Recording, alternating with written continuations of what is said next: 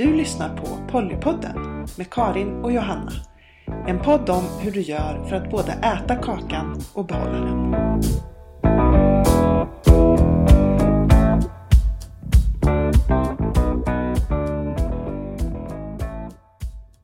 Jag har, jag har två kärleksrelationer. Och på ett sätt är de kärleksrelationerna ganska lika, vad ska man säga, traditionella monogama kärleksrelationer. Eh, för Bara- det är så här, Bara att de, bara att de är två? Eller? ja, ja precis, att, att de inte är monogama. Mm. Men för övrigt så uppfyller ni normen ganska mycket för hur man bör vara ett par. Ja men precis. Mm. Att man hörs ofta, att man, man är nära, att man delar mycket. Att man ja, går på söndagsmiddag hos varandras föräldrar eller Mm. sådana saker. Liksom. Ja. Det klassiska som hör till en parrelation. Ja, precis. Och båda relationerna har jag haft parallellt nu i över fem år. Så att det är ju långa relationer. Och, och jag, jag stör mig lite på att jag måste så här, ja men typ försvara. Att jag, när, jag, när jag säger så här, ja men det är väldigt nära relationer, det är väldigt långa relationer. Då känns det som att jag, att jag måste säga det för att försvara att jag lever utanför normen. Hur menar du då? Eh, ja men typ som att, att det finns en misstänksamhet mot att den här relationsformen fungerar. Och att jag på något sätt måste bevisa det. Genom att visa att jag har nära och bra relationer. Ja, Och långa. ja just det. att det funkar liksom. Ja, Ja, för det blir lite som att jag blir så en representant för att den här relationsformen funkar. mm. Om det inte funkar mellan mig och mina partners Mm. så beror det på relationsformen. Men om det inte funkar för en monoperson, en relation mellan två monopersoner, ja. då beror inte det på relationsformen utan då beror det på att de personerna inte passade ihop eller att den relationen inte var bra. Just det. Ja, Men, men mina relationer blir som en representant för hela, hela om den här relationsformen funkar eller inte hänger liksom på det. ja just det. Jo, men det där kan jag känna igen. Att eh, jag dömer polypersoner väldigt hårt till exempel när de får figurera i media. Om, om eh, det är en intervju i en tidning eller i radio till exempel. Att jag har väldigt höga krav på polypersoner att de ska så här, vara ideologiskt genomtänkta, att de ska ha snygga kläder. Ja. för att eh, de, de känns som representanter för mig. Ja, eftersom det, man ser så få representanter i liksom, media och filmer och så. Så de få som, som är det, de får representera alla som lever på det sättet. Ja, ja Mm. men precis, precis. Ja, men det finns en annan anledning till att jag stör mig. Eh, på att jag måste så här, hävda att det är långa nära relationer. Och att när jag berättar om dem att de framstår som så här, eh, ganska lika monorelationer. Så är det ju som att jag använder mig av normen för att visa att den här relationsformen är okej. Hur menar du då? Ja men typ att det som, som enligt mononormen är bra relationer. Det är ju långa, nära relationer. Mm, kommer överens med föräldrarna. Ja, precis. Eh, och att när jag liksom visar på de sakerna i mina relationer så använder jag mig ju av normen för att legitimera mina relationer. Ja, men det kan jag känna igen. Till exempel nu i morse så satt du och jag lyssnade på ett program från eh, Utbildningsradion som handlade om eh, en grupp polypersoner. Eller som en grupp polypersoner som blev intervjuade. Och eh, då var det alltså fyra personer, varav tre personer bodde tillsammans. Och det var två män och två kvinnor och de var tillsammans Kors och tvärs. kors och tvärs. Ja, Ja. Liksom, och hade även relationer utanför den här fyra konstellationen. Och eh, jag vet inte, men jag kände så här. Ja, och de bodde i kollektiv och ja, men de, de, de avvek från normen väldigt mycket. Jag, jag störde mig på det. Jag, jag tänkte, kunde de inte ha eh, intervjuat någon som var lite närmare mononormen? Mm, typ mig. Ja, ja men typ det. Ja. För att jag fick för mig att det skulle vara lättare att smälta för min mamma till exempel. Eller för någon som... Alltså att de inte skulle bli avfärdade som, eh, som hippies liksom. Ja. Ja, ja, det är svårt. Jag vet inte så här, vad man ska ha för strategi. Liksom. Att jag kan känna ibland att jag, liksom, när jag använder mig av normen för att legitimera min, mitt sätt att leva, så förskjuter jag bara normen lite. Mm. Att jag inte i grunden ifrågasätter normen. Ja, Nej, Nej, och det var ju, det var ju, helt, Mm. det var helt stört att jag tänkte så liksom. Alltså, Mm. de verkade ju jättelyckliga och hade jättefint förhållande. Mm. Mm. Det är ju bara dumt. Mm. Men det kanske är en mångfald som behövs. Liksom. Man behöver se en palett av andra alternativ Ja. till mononormen. Precis, naturligtvis är det så. Jag tänker också att jag så här, vill betona att det är långa och nära relationer. För att ofta så tycker jag att eh, polypersoner kan bli tolkade som att de är typ, ja, men, man är känslomässigt störd eller här, att jag inte vill att någon ska tro att jag är känslomässigt störd och bara gör det här för att kunna ligga runt och att jag inte vill binda mig och inte ha nära relationer typ. Jag saknar en, en bra faders moders gestalt och Ja, försöker hitta någon substitut eller flera. Ja, Ja. att det finns väldigt många sådana förklaringar. Ja, Mm. precis. Alltså som att, jag vill, som att jag vill visa att det inte stämmer för mig. ja. Men samtidigt så hugger jag ju lite folk i ryggen som kanske inte stämmer lika bra i normen genom att göra så här. Ja, ja men precis. Som, som jag som kritiserade de här liksom, människorna som hade styrt upp det liksom, otroligt bra. Som jag kritiserade för att de inte tillhörde normen tillräckligt mycket. Mm.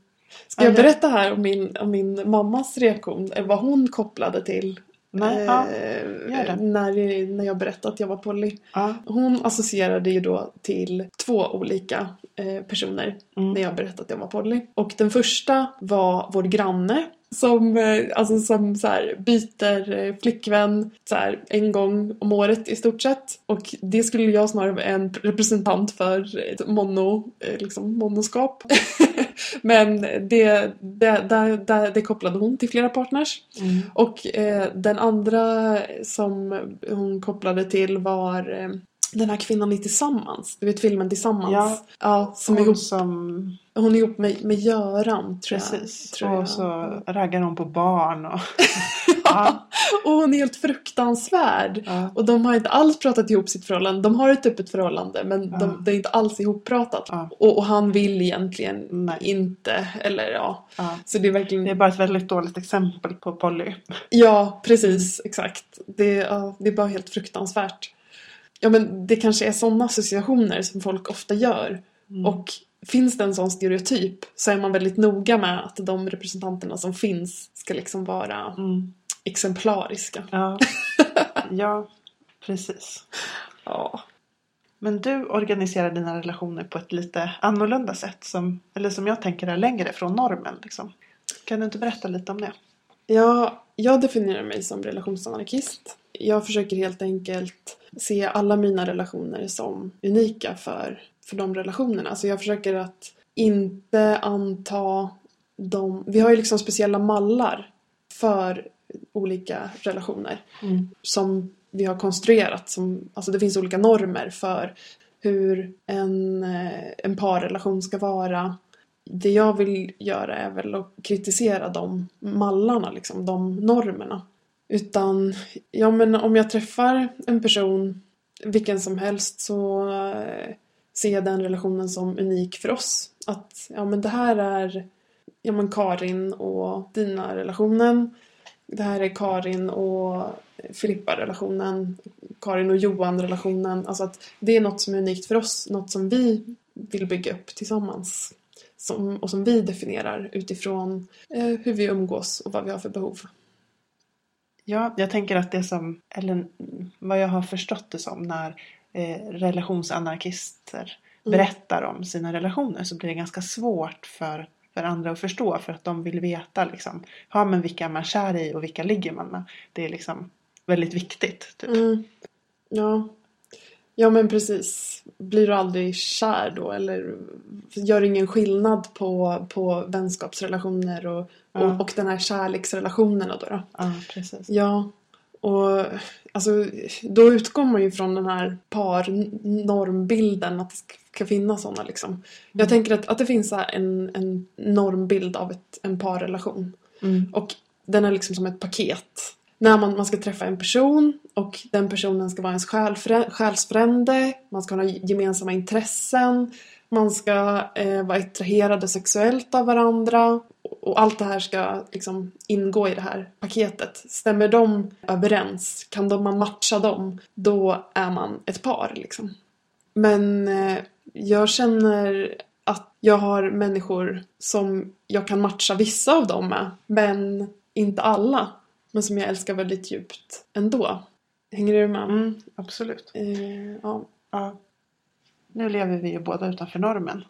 Jag tänker att det vore lite intressant att prata om på vilket sätt eller vilka viktiga händelser har gjort att vi har, att vi har tagit det här beslutet av att, att leva utanför normen. Mm. Ehm, samtidigt som jag stör mig lite på det också för att det blir en så här normativ, mononormativ frågeställning. Ja, just det. Varför är inte du monogam? Ja, vi, vi Det- kanske snarare borde prata om varför folk blir monogama. Ja, verkligen. Bjuda in en monogam person och, och intervjua. Ja, och fråga varför, ja, om den aldrig blir kär i någon annan eller om hur den kan klara av att ha en monorelation och ja, Ja. om den aldrig blir svartsjuk. Eller,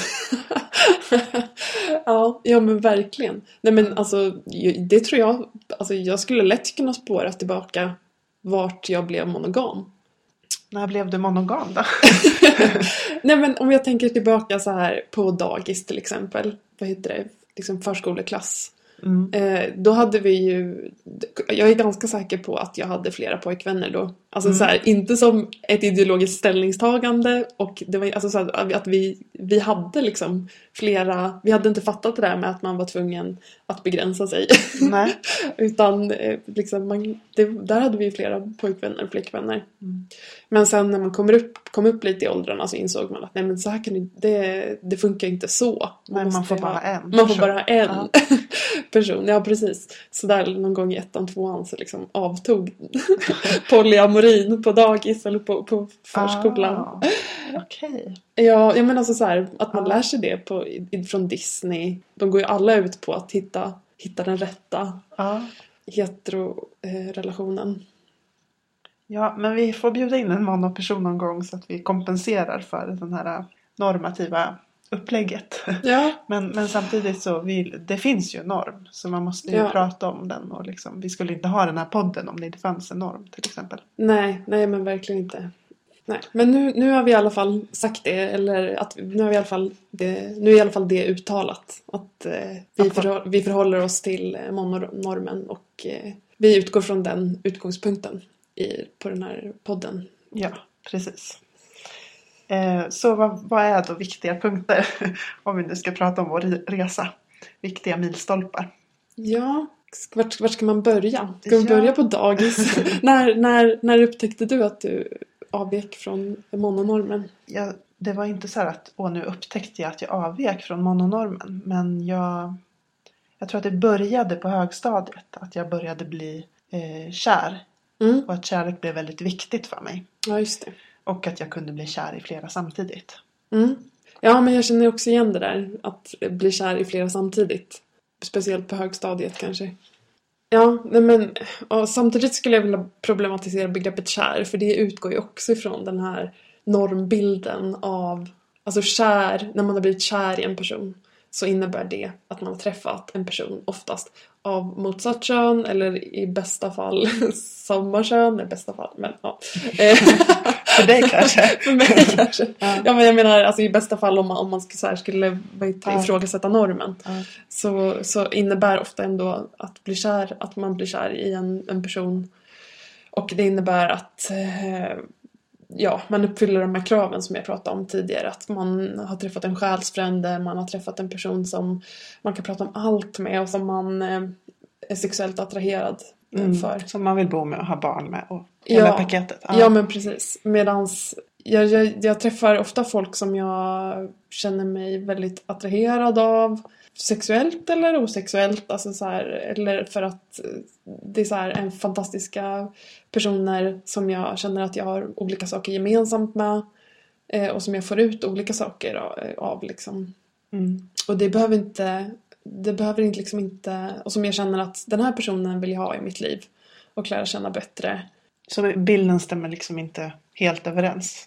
Så när du använder begreppet kär så blir det också problematiskt. Ja, precis. För att jag tycker att det översätter inte riktigt på hur Nej. jag skapar relationer. Nej. Men Har du omdefinierat begreppet för dig själv? Liksom? För du använder ändå begreppet. Begreppet kär, ja men det Ja. är mest för, för att det är bek- bekvämt för andra liksom. Och alltså så här, jag, jag tror att, jag, att det jag brukar lägga in i begreppet kär är väl ändå så här när man blir ja, väldigt attraherad av en person. Alltså jag kan ju också få så här adrin, adrenalinpåslag och eh, liksom bli besatt av en person. Så att eh, jag brukar väl använda det i den bemärkelsen. Mm. Eh, Den här upprymdhetskänslan, gå på molnkänslan. Ja, ja Mm. men precis. Mm. Men den behöver inte alltid innebära att jag vill, alltså att jag vill ta med den hem till mina föräldrar. Och det behöver inte innebära att jag Mm. vill ha sex eller med den personen eller att jag vill bo med den personen. Det kanske innebär att jag vill ha den i mitt liv och träffa den Lagom mycket. lagom mycket. Ja. men, eller att vi så här funkar väldigt, väldigt bra. Eh, Att vi så här, funkar väldigt bra med att gå, vara ute och gå på promenader och filosofera tillsammans. Att det är så en fantastisk upplevelse Mm. som jag väldigt gärna vill ha i mitt liv. Mm. Jag tror jag blir lite mer alltså, klassiskt kär. Mm. Förutom det här monogama så, så att man bara ska ha en person så, så följer det ganska bra med vad jag, hur jag känner att jag vill. Ja, men att jag vill ha väldigt mycket av den här personen i mitt liv på många olika sätt. Mm. Och att det där går på molnkänslan och det, Mm. den delen. Mm. Mm. Och, och alltså, alltså, jag har ju haft sådana relationer som ändå har uppfyllt ganska många av de, de liksom kriterierna. Ja. för att vara kär samtidigt också. Så det är inte som att jag aldrig har sådana relationer som, som eh, liknar parrelationer. Nej. Det har, alltså, jag träffar ju människor som eh, uppfyller, eller som folk skulle kategorisera som, som, par, eh, som, alltså, som en parrelation. Mm. Men jag tänker bara att man ska vara medveten om det, att det är så här en konstruktion. Mm. Så, så det här med att om vi nu ska säga kär ändå. Mm. så är det en sak att vi båda har kunnat bli kära i flera personer samtidigt. Så är det en viktig liksom, händelse eller en viktig del av att vi har kommit dit vi är idag. Ja, nej men precis. Mm. Men om vi ska gå tillbaka till vår resa. Eller så här på högstadiet, är vi där vi är? Ja, det var där du började. Att du, du sa att du kunde, eh, kunde bli kär i flera personer samtidigt. Mm. Jag tror att på högstadiet så eh, jag hade gått på den här kärleksmyten så jävla hårt. Kärleksmyten. Mm. Ja men det? som vi har pratat lite om nu. Ja. Att man ska hitta den rätte, att man ska vara själsfränder, att man aldrig ska se åt någon annan, att man ska gå igenom eld för den personen och allt ska vara fantastiskt. Och så levde de lyckliga alla sina dagar. Historien. Att jag trodde väldigt mycket på den här myten och jag var på jakt efter den rätta. Mm. Den rätta. Den rätta, precis. Så att det blev en väldigt, en väldigt clash här. För jag, för jag började inleda en relation och jag blev ändå kär i andra personer samtidigt Mhm. på högstadiet. Eller på, ja, på gymnasiet också. Och att det blev en, ja, det blev en clash. Och, och min tolkning var att det här beror på att jag inte har träffat den rätta. Nej, du var, inte, du var inte tillräckligt kär. Nej, jag var inte kär på riktigt. Det var inte... Ah, för, då, för då blir man inte intresserad av andra. Nej, precis. Mhm. Mm. Så ja, det fanns så, såklart jättemycket skuld i det också. Att, att jag inte klarade av det här. Att ha kärleksrelationer. Ja. Att jag kände skuld mot, mot den som jag då skulle ha som ja, borde ha varit bara den jag borde ha varit kär i. Mm. Mm. Hur har du trott på den här kärleksmyten? Ja, nej, jag tror att kärleksmyten inte riktigt var lika central för mig eftersom jag inte hade några eh, liksom parrelationer förrän jag var äldre. Så att det blev liksom aldrig något problem med att vara kär i flera samtidigt. Mm. Jag hade ju ingen att känna skuld emot. Så eh, jag kunde helt enkelt vara liksom förälskad i eh, flera personer i klassen samtidigt eller flera personer på fotbollsträning och någon person på kören och någon person lite här och där. Det, alltså det är möjligen att man fick något ifrågasättande från eh, kompisar, klasskamrater typ där. Men du sa ju att du var eh, kär i den här personen förra veckan. Hur kan du vara kär i den här personen? Och jag bara ja, det, det går ju strålande. Ja, så du, om jag förstått rätt så började du ifrågasätta myten och fick liksom en, ett begrepp för vad man kunde ha utanför tvåsamhetsnormen innan du började inleda kärleksrelationer. Ja, men precis. Alltså, jag, jag hade ju hört talas om Polly när eh, jag fick, när jag började ha liksom en fasta relationer. Ja, Så, ja, precis. Myten var aldrig ett, ett problem för mig i, eh, när jag hade relationer. den blev aldrig liksom ett, en målbild i själva relationen. Nej, men precis. Som för Jag- mig kanske. Ja, att exakt. jag hade det som mål och då blev den här eh, skillnaden från hur jag hade det och vad mitt mål var väldigt tydlig. Ja, just det. Ja, men Mm. exakt. Mm. Men eh, när började du ifrågasätta eh, kärleksmyten för första gången? Jag tror, ja men i slutet av gymnasiet så träffade jag en person som jag kände att men det här är ju den rätta. Det här är min själsfrände, vi är liksom perfekta för varandra på alla sätt. Om det finns någon person i världen som är den rätta så är det den här personen. Mm. Och sen så blev jag ändå kär i någon annan. Och fortsatte känna att det här var liksom en jättebra relation. Ja, då föll argumentet att du inte var tillräckligt kär i alla fall. Ja, Ja. precis. Mm. Så då började jag försöka hitta andra förklaringar. Jaha. jag hade alla möjliga. Till exempel att eh, jag hade läst att amfetamin och förälskelse aktiverar samma ställe i hjärnan. Och min egen slutsats då var ju att då borde man ju kunna bli beroende av förälskelse. Så att de här kärlekskänslorna som jag känner för andra, det är inte riktig kärlek utan det är bara någon slags, eh, ja, det som jag gör för att eh, hålla mitt beroende i schack typ. Jaha, så du trodde att du, du knarkade kärlek helt enkelt? Ja, precis. Ja, sen så tror jag att, att nästa grej som fick mig att börja fundera var att jag läste en bok. Inte enklare än så av Kajsa Ingemarsson. Mhm. Och den boken, den är en bok inom nor- mononormer. Liksom. Det handlar om monorelationer och det blir aldrig tal om någonting annat. Mm. Eh, men det den gör är att den ifrågasätter kärleksmyten. Hur då? den- Vad handlar den om? Vad är, vad är handlingen liksom? Eh, den handlar om en kvinna som är gift med en man.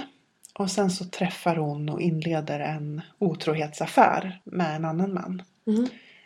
Och ja, det slutar med att hon går tillbaks till sin man och gör slut på sin otrohetsaffär. Ja, lyckligt slut. Ja, precis.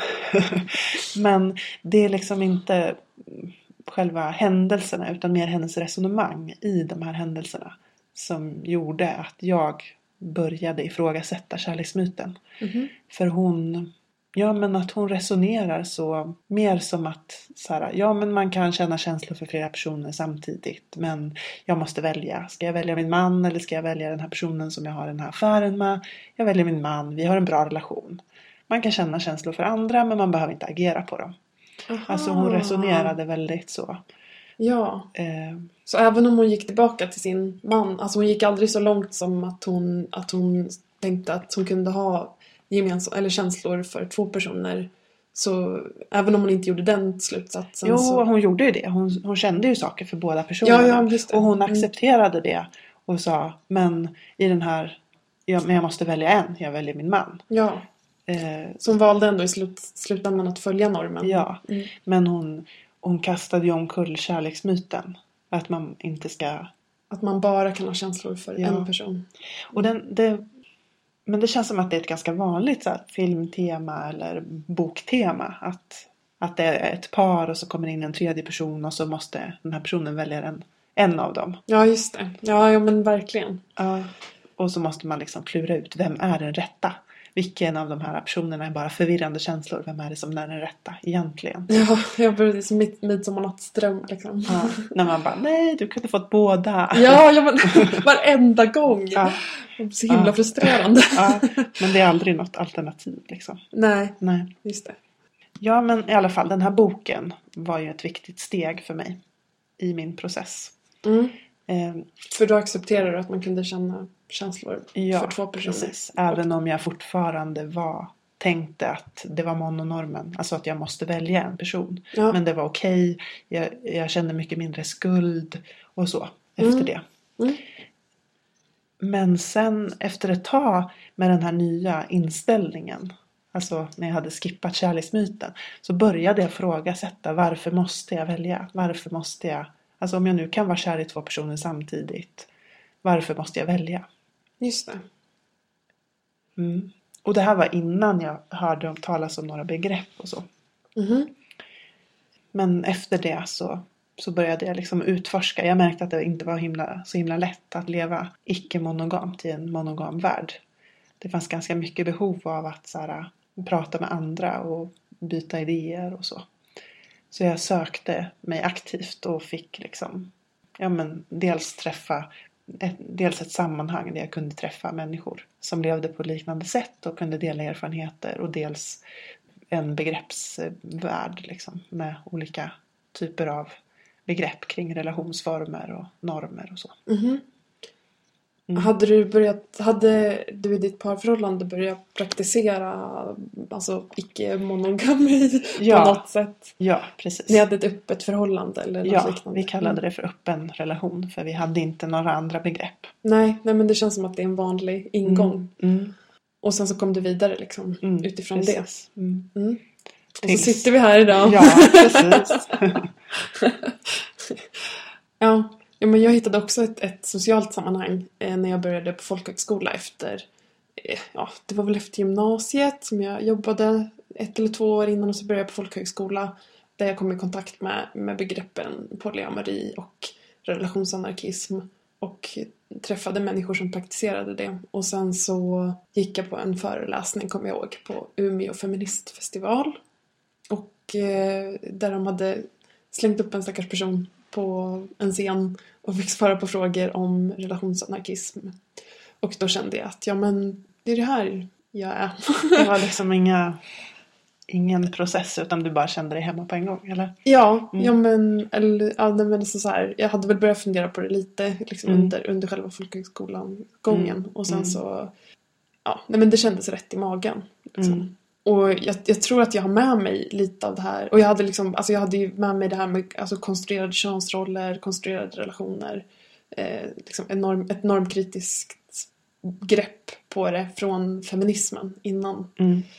Och en kritik av tvåsamheten. Men sen, så- sen så tror jag att också att jag har med mig lite från min familj. För att det finns, finns eh, flera till exempel eh, adoptioner och eh, fosterrelationer, alltså fosterbarn. Alltså folk som inte har biologiska band i min familj men som ändå tillhör familjen.